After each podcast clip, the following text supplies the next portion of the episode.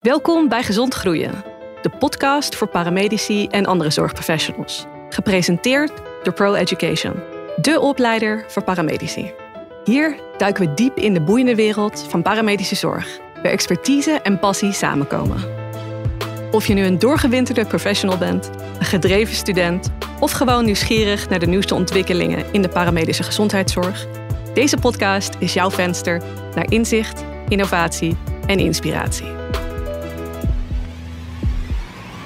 In deze aflevering ga ik, Sanne, in gesprek met Erik Verduin, directeur onderwijs en innovatie binnen de Salta Group. Ontdek met ons hoe de toekomst van paramedisch onderwijs wordt vormgegeven door progressieve leiders en hoe een leven lang leren niet alleen een persoonlijke keuze is, maar ook een cruciale pijler voor vooruitgang in de gezondheidszorg. Erik, van harte welkom. Kun je ons meer vertellen over wie je bent en hoe jij een leven lang leren voor je ziet? Ja, dat, eh, dat kan ik. Ik ben uh, directeur onderwijs en innovatie bij Salta Group. En uh, Pro Education is onderdeel van uh, Salta Group.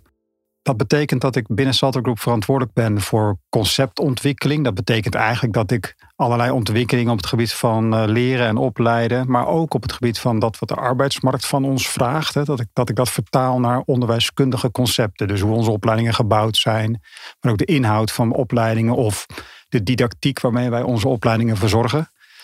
En nu dus in mijn huidige rol in het, het, het bedenken van allerlei concepten die aansluiten bij dat wat werkende van ons vragen eigenlijk, hè, van ons, ons als opleidingsinstituut. En hoe ik een leven lang leren voor me zie, is dat eigenlijk iedereen in staat moet zijn om een, een, manier te vinden om zich te blijven ontwikkelen. Omdat ik denk dat dat nodig is. En, ik, uh, en, en goed voor het individu om zich te ontwikkelen en te blijven ontwikkelen.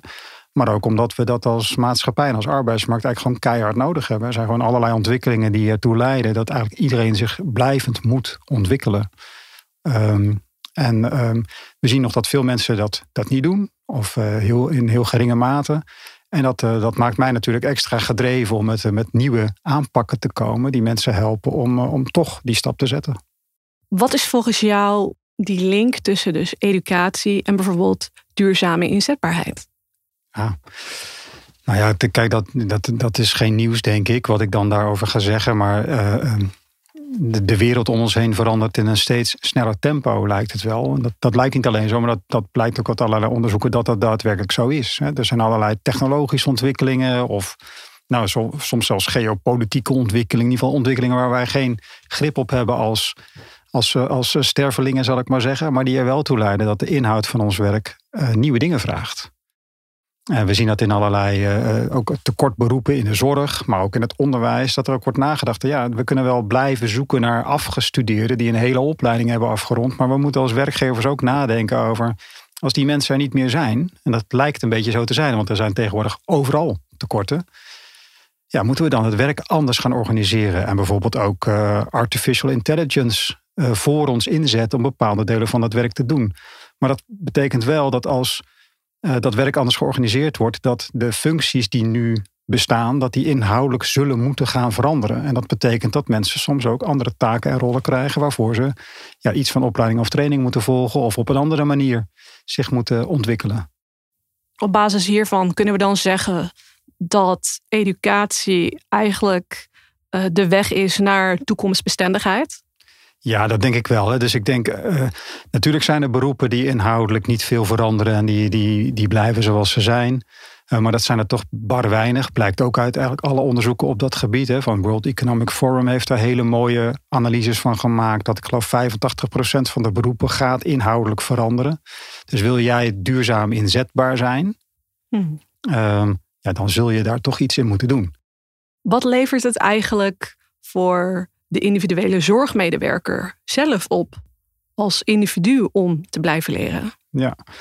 Nou ja, kijk, in sommige beroepen moet je ook. Hè? Dan moet, je, moet je blijven eh, scholen om je registratie bijvoorbeeld te, eh, te behouden. Dus daar, dat klinkt alsof dat dan uh, al de enige reden is om dat te doen. Maar dat, is, dat komt natuurlijk ergens vandaan. Dat is bedacht omdat het in die branche, in die richting, in, die, in dat beroep belangrijk is dat je bijblijft met de nieuwste ontwikkelingen op dat vakgebied. Dus ook daar is dat dan ook wat het oplevert. Het levert, uh, het levert op dat je bij bent en dat je je registratie behoudt. Maar het, levenslang ontwikkelen gaat natuurlijk verder dan dat. En je zou willen dat mensen ook zelf zien uh, dat het ze iets oplevert. En dat kan dan zijn ook eh, zijn meer dan genoeg onderzoeken die aantonen dat het leren van een nieuwe vaardigheid mensen ook daadwerkelijk gelukkiger maakt of gemotiveerder maakt in, in, hun, in hun werk.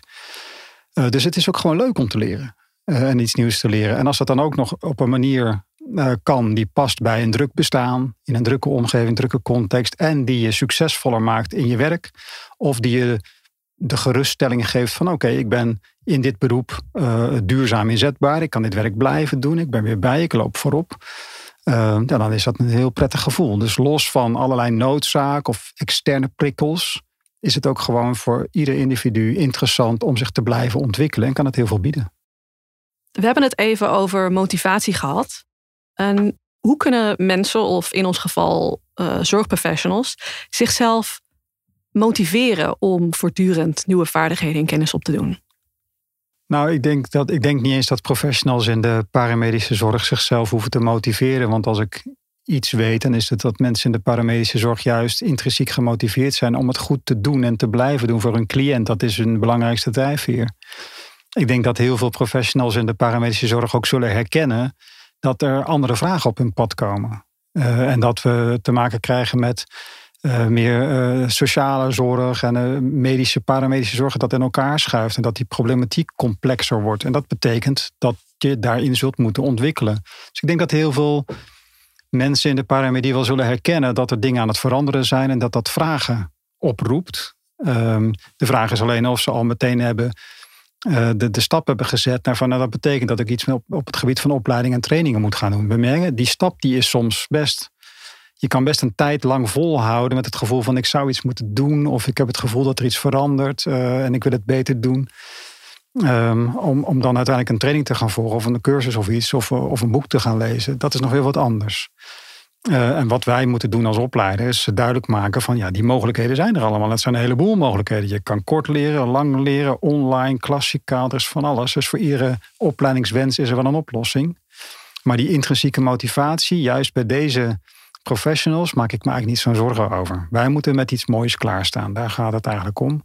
En mensen helpen in te zien van hé, hey, dat gaat mij direct resultaat opleveren. In plaats van een hoop uh, ja, theoretische bagage of zoiets, ga ik hier ook praktische vaardigheden opdoen die mij helpen dat wat ik heel graag wil, namelijk het goed doen voor mijn cliënt, uh, ja, nog beter in te vullen.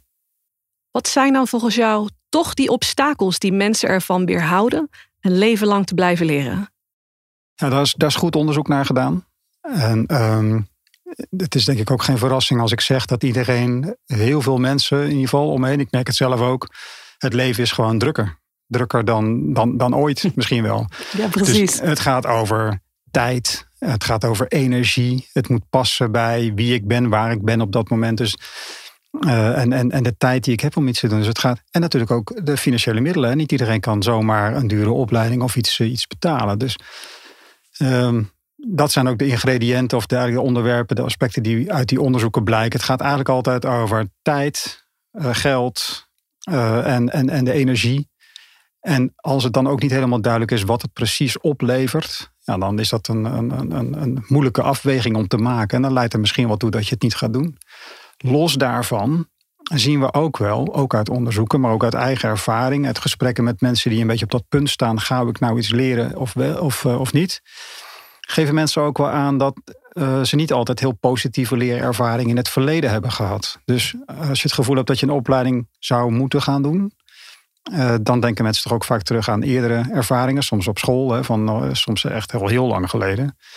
Nou ja, en als dan leren toch geassocieerd wordt met, met dikke boeken en, en uh, stilzitten en je mond houden en, en moeilijke examens doen. Ja, heb je daar nog wel zin in als je de 50 bent gepasseerd? Ik zou het kunnen begrijpen als je dan zegt van nou laat maar. En dan is het natuurlijk aan ons als opleidingsinstituut om duidelijk te maken van ja, maar leren kan ook heel anders. dat kan ook op je werkplek. En zoals je vroeger uh, nog een soort vertaling moest maken van dat wat je leerde naar wat je ooit misschien in de toekomst gaat doen, kunnen wij in de manier waarop wij het leren organiseren die koppeling direct maken, in de les eigenlijk al. En we zien dat dat succesvol is. Kun je daar wat meer over vertellen, over hoe opleiders het inderdaad interessanter, makkelijker, leuker voor werkenden kunnen maken om inderdaad verder te leren? Nou, wij, wij zelf bij Pro Education hanteren een, een heel duidelijk model. Dat heet het ARCS-model. Dat gaat over leermotivatie. Uh, want daar hebben we het dan eigenlijk over. Hè? Hoe maken we mensen geïnteresseerd in leren? Maar hoe zorgen we er vooral ook voor dat als ze eraan begonnen zijn, dat ze het blijven doen? Hmm.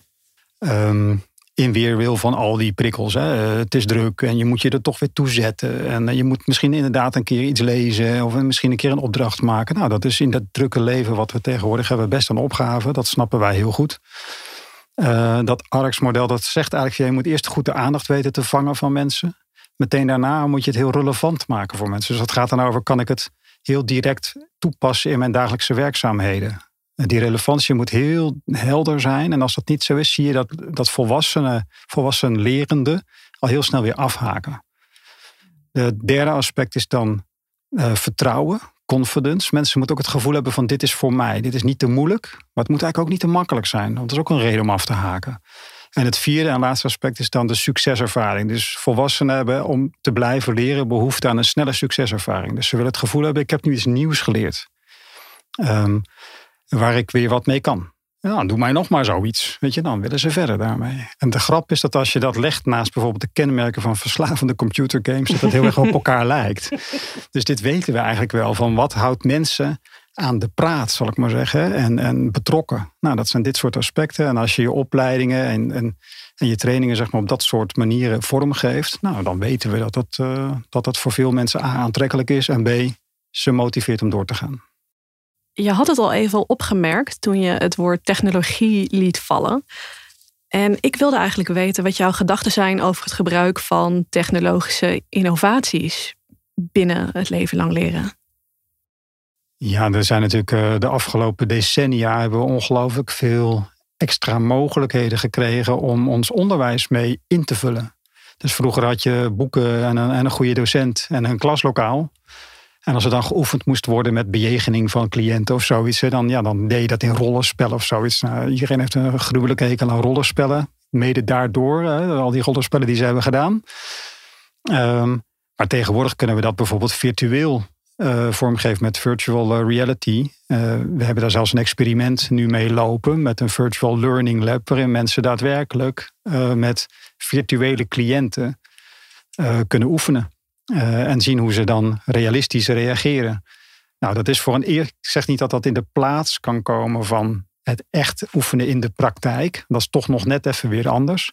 Maar zeker om een basisvaardigheid of zo te ontwikkelen, is dat een geweldige manier om, uh, om, om, om iemand iets bij te brengen. En dat is dat zou zonder al die nieuwe technologie eigenlijk niet uh, mogelijk zijn geweest. Dus dan heb ik het over virtual reality. Ik heb het al even gehad over artificial intelligence en de manier waarop dat een plek krijgt, ook in de beroepen zelf. Hè? Dus we hebben het niet alleen over de technologie die wij gebruiken als opleider om het leren te vergemakkelijken, of verder te stimuleren of, of mogelijk te maken. Maar ik heb, er is natuurlijk ook heel veel technologie in het, in, in het beroep, in het, in het veld zelf, wat een plek moet krijgen in die opleidingen. Want wij zijn, we helpen mensen zich te ontwikkelen op het gebied van een beroep, van een vak. Als er technologische ontwikkelingen zijn, dan zullen wij dat in de opleiding moeten betrekken. Stel je voor, ik ben een ergotherapeut. Wat zou het mij makkelijker maken binnen de opleiding als we het hebben over deze technologische innovaties? Uh, ik, kan me voorstellen dat er handelingen zijn uh, die, je, die je kunt oefenen. Maar wat ik al aangaf, het gaat in, de, in dat experiment wat we doen, gaat het vooral ook in de omgang met cliënten die gespannen zijn of verward. Of uh, in ieder geval vragen. Het gaat niet per se om de beroeps technische handelingen, maar vooral ook alles daaromheen. Hoe ga ik om met? En wat is de mogelijke reactie van iemand? En dat kun je virtueel natuurlijk heel goed uh, oefenen. Al is het maar omdat in de beroepspraktijk je zo iemand misschien niet tegenkomt. Uh, tenminste, niet nu. Terwijl je het wil leren. Nou, dan kunnen wij virtueel iemand aanbieden, zal ik maar zeggen. Die gedrag vertoont wat je in de toekomst misschien een keer gaat, gaat meemaken. En dan ben je er nu op voorbereid. Want je hebt ermee kunnen oefenen. Eh, gezien de huidige burn-out cijfers in de zorgsector, hoe kunnen paramedici en zorgprofessionals blijven leren zonder te veel druk op zichzelf te leggen? Volgens mij kan leren geeft ook heel veel energie terug. Als het goed is georganiseerd en goed is bedacht. Dus ik denk dat daar een opgave ligt bij, bij de opleiders. Maar natuurlijk hebben werkgevers daarin ook een rol. Dus als het alleen maar plus, plus, plus is, hè, eh, je moet en eh, fulltime werken en je hebt je privéleven en je moet die opleiding met een, eh, dan, ja, dan wordt het wel, dan vragen we wel heel veel van mensen. Dus we zien ook wel, tot op zekere hoogte herken ik die zorg vanuit een rol als opleider ook wel. Dat ik zie dat er best wel weinig tijd is binnen organisaties om mensen die aan het leren zijn bijvoorbeeld te begeleiden. En als wij ons best doen, en dat doen we natuurlijk heel vaak, om van die werkplek ook een leerplek te maken. Nou, wat is het verschil tussen een werkplek en een leerplek? Is op een, op een leerplek reflecteer je op dat wat je zojuist hebt gedaan. Dus je voelt al, dan heb je iets uitgevoerd en dan heb je even een paar minuten nodig om na te denken. Wat ging nou goed? Wat ging nou niet zo goed? Waar heb ik nog hulp bij nodig? Waar kan uh, dat wat ik in dat boek heb gelezen me misschien bij helpen? Nou, als die tijd er niet is, omdat je alweer door moet naar, het volgende, naar, de, naar de volgende cliënt, uh, dan, dan wordt het lastig en dan voelt het ook als een extra last in plaats van iets wat je helpt om vooruit te komen. Wat zijn andere manieren waarop werkgevers ook ruimte kunnen maken voor hun werknemers om dit te blijven doen? Nou ja, dan hebben we het natuurlijk om een. Uh, eigenlijk hebben we het dan over de leercultuur binnen organisaties. Daar is veel over te doen. De, de, de CER, de Sociaal-Economische Raad, is daar ook heel druk mee, omdat we zien dat het daar wel aan ontbreekt in ons land. Er is bij heel veel organisaties niet een hele duidelijke leercultuur en dat moet gestimuleerd worden. Dus daar wordt over nagedacht. In de zorg is daar wel al veel meer traditie wat dat betreft. En ben ik ook best wel positief eigenlijk over hoe dat, hoe dat zou kunnen en hoe we dat nog verder kunnen verrijken. Want in de zorg is van oudsher al. Uh, vroeger hadden we de in-service opleidingen in zorginstellingen. Uh, en dat, is nog, dat voel je altijd nog een beetje als je met zorginstellingen spreekt over opleiden en leren. Zit dat nog wel een beetje in het DNA? Er is absolute bereidheid om te investeren in ontwikkelen van mensen op de werkvloer.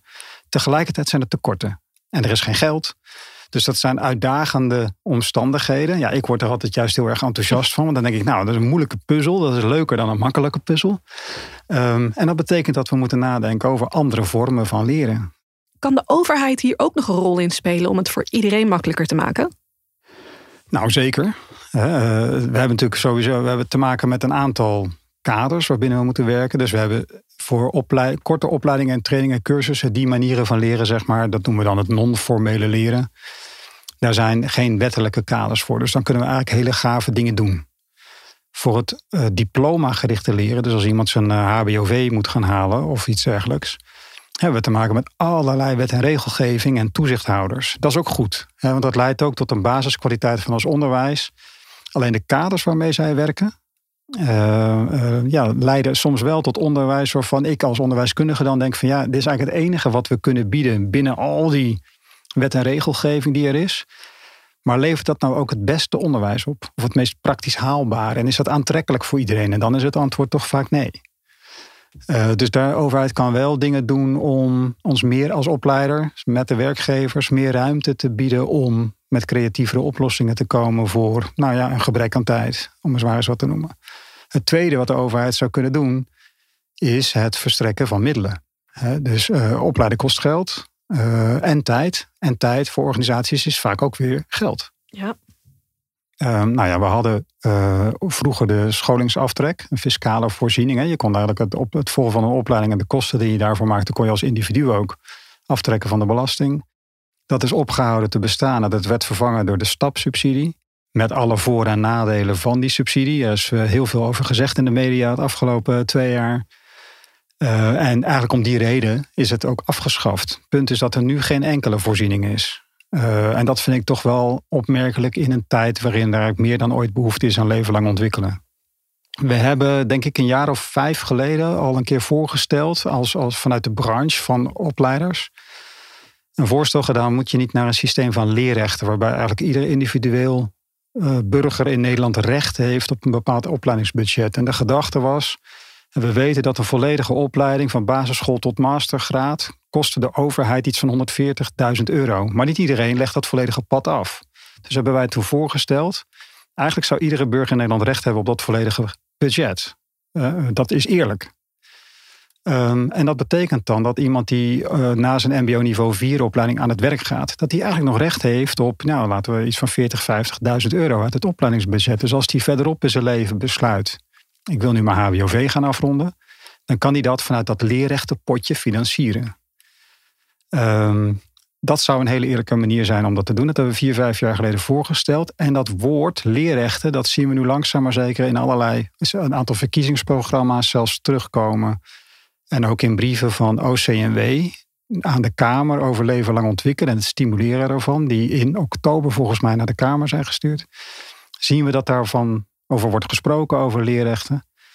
En in de aanloop daar naartoe hebben wij een onderzoeksbureau een, eh, een, een, de opdracht gegeven is uit te zoeken hoe zou dat eruit kunnen zien. En dat rapport is nu beschikbaar en gaan we de komende tijd ook uh, naar verschillende stakeholders in Den Haag brengen om te laten zien, kijk, zo zou dat kunnen. En we weten dat dat plan uh, best kans van slagen heeft. Tot slot, welk advies zou je willen delen met professionals in de zorg die streven naar inderdaad een duurzame en succesvolle carrière? Nou ja, het advies wat ik zou denk, kijk eens goed naar, naar jezelf. En, en kijk eens goed naar wat er aan ontwikkelingen op je pad gaan komen de komende tijd, de komende jaren. En wat je dan nodig hebt om daarbij te blijven. En dan kunnen we praten over. Kijk, wij, wij zijn een opleidingsinstituut, dus wij willen heel graag dat mensen opleidingen en trainingen volgen. Uh, maar er zijn natuurlijk allerlei manieren om je te ontwikkelen en om bij te blijven. Dus ik zou echt iedereen willen uitnodigen. Als je toch lang in de auto zit, dan kun je zeg maar een luisterboek op Storytel luisteren. Maar je kan ook eens een keer een podcast luisteren of een. Uh, uh, of iets dergelijks. Iets waar je echt wat van opsteekt. Op een andere manier dan van een roman, zal ik maar zeggen. Uh, Misschien wel deze podcast. En dan het liefst deze podcast. Dankjewel voor het luisteren naar Gezond Groeien. De podcast die jou inspireert met inzichten, verhalen en expertise. Wil je op de hoogte blijven van de laatste ontwikkelingen in de paramedische gezondheidszorg? Bezoek dan onze website proeducation.nl en volg ons op social media. Leuk dat je deel uitmaakt van onze paramedische zorgcommunity. Samen streven we naar een toekomst waarin kennis, passie en innovatie de sleutels zijn tot een betere gezondheidszorg.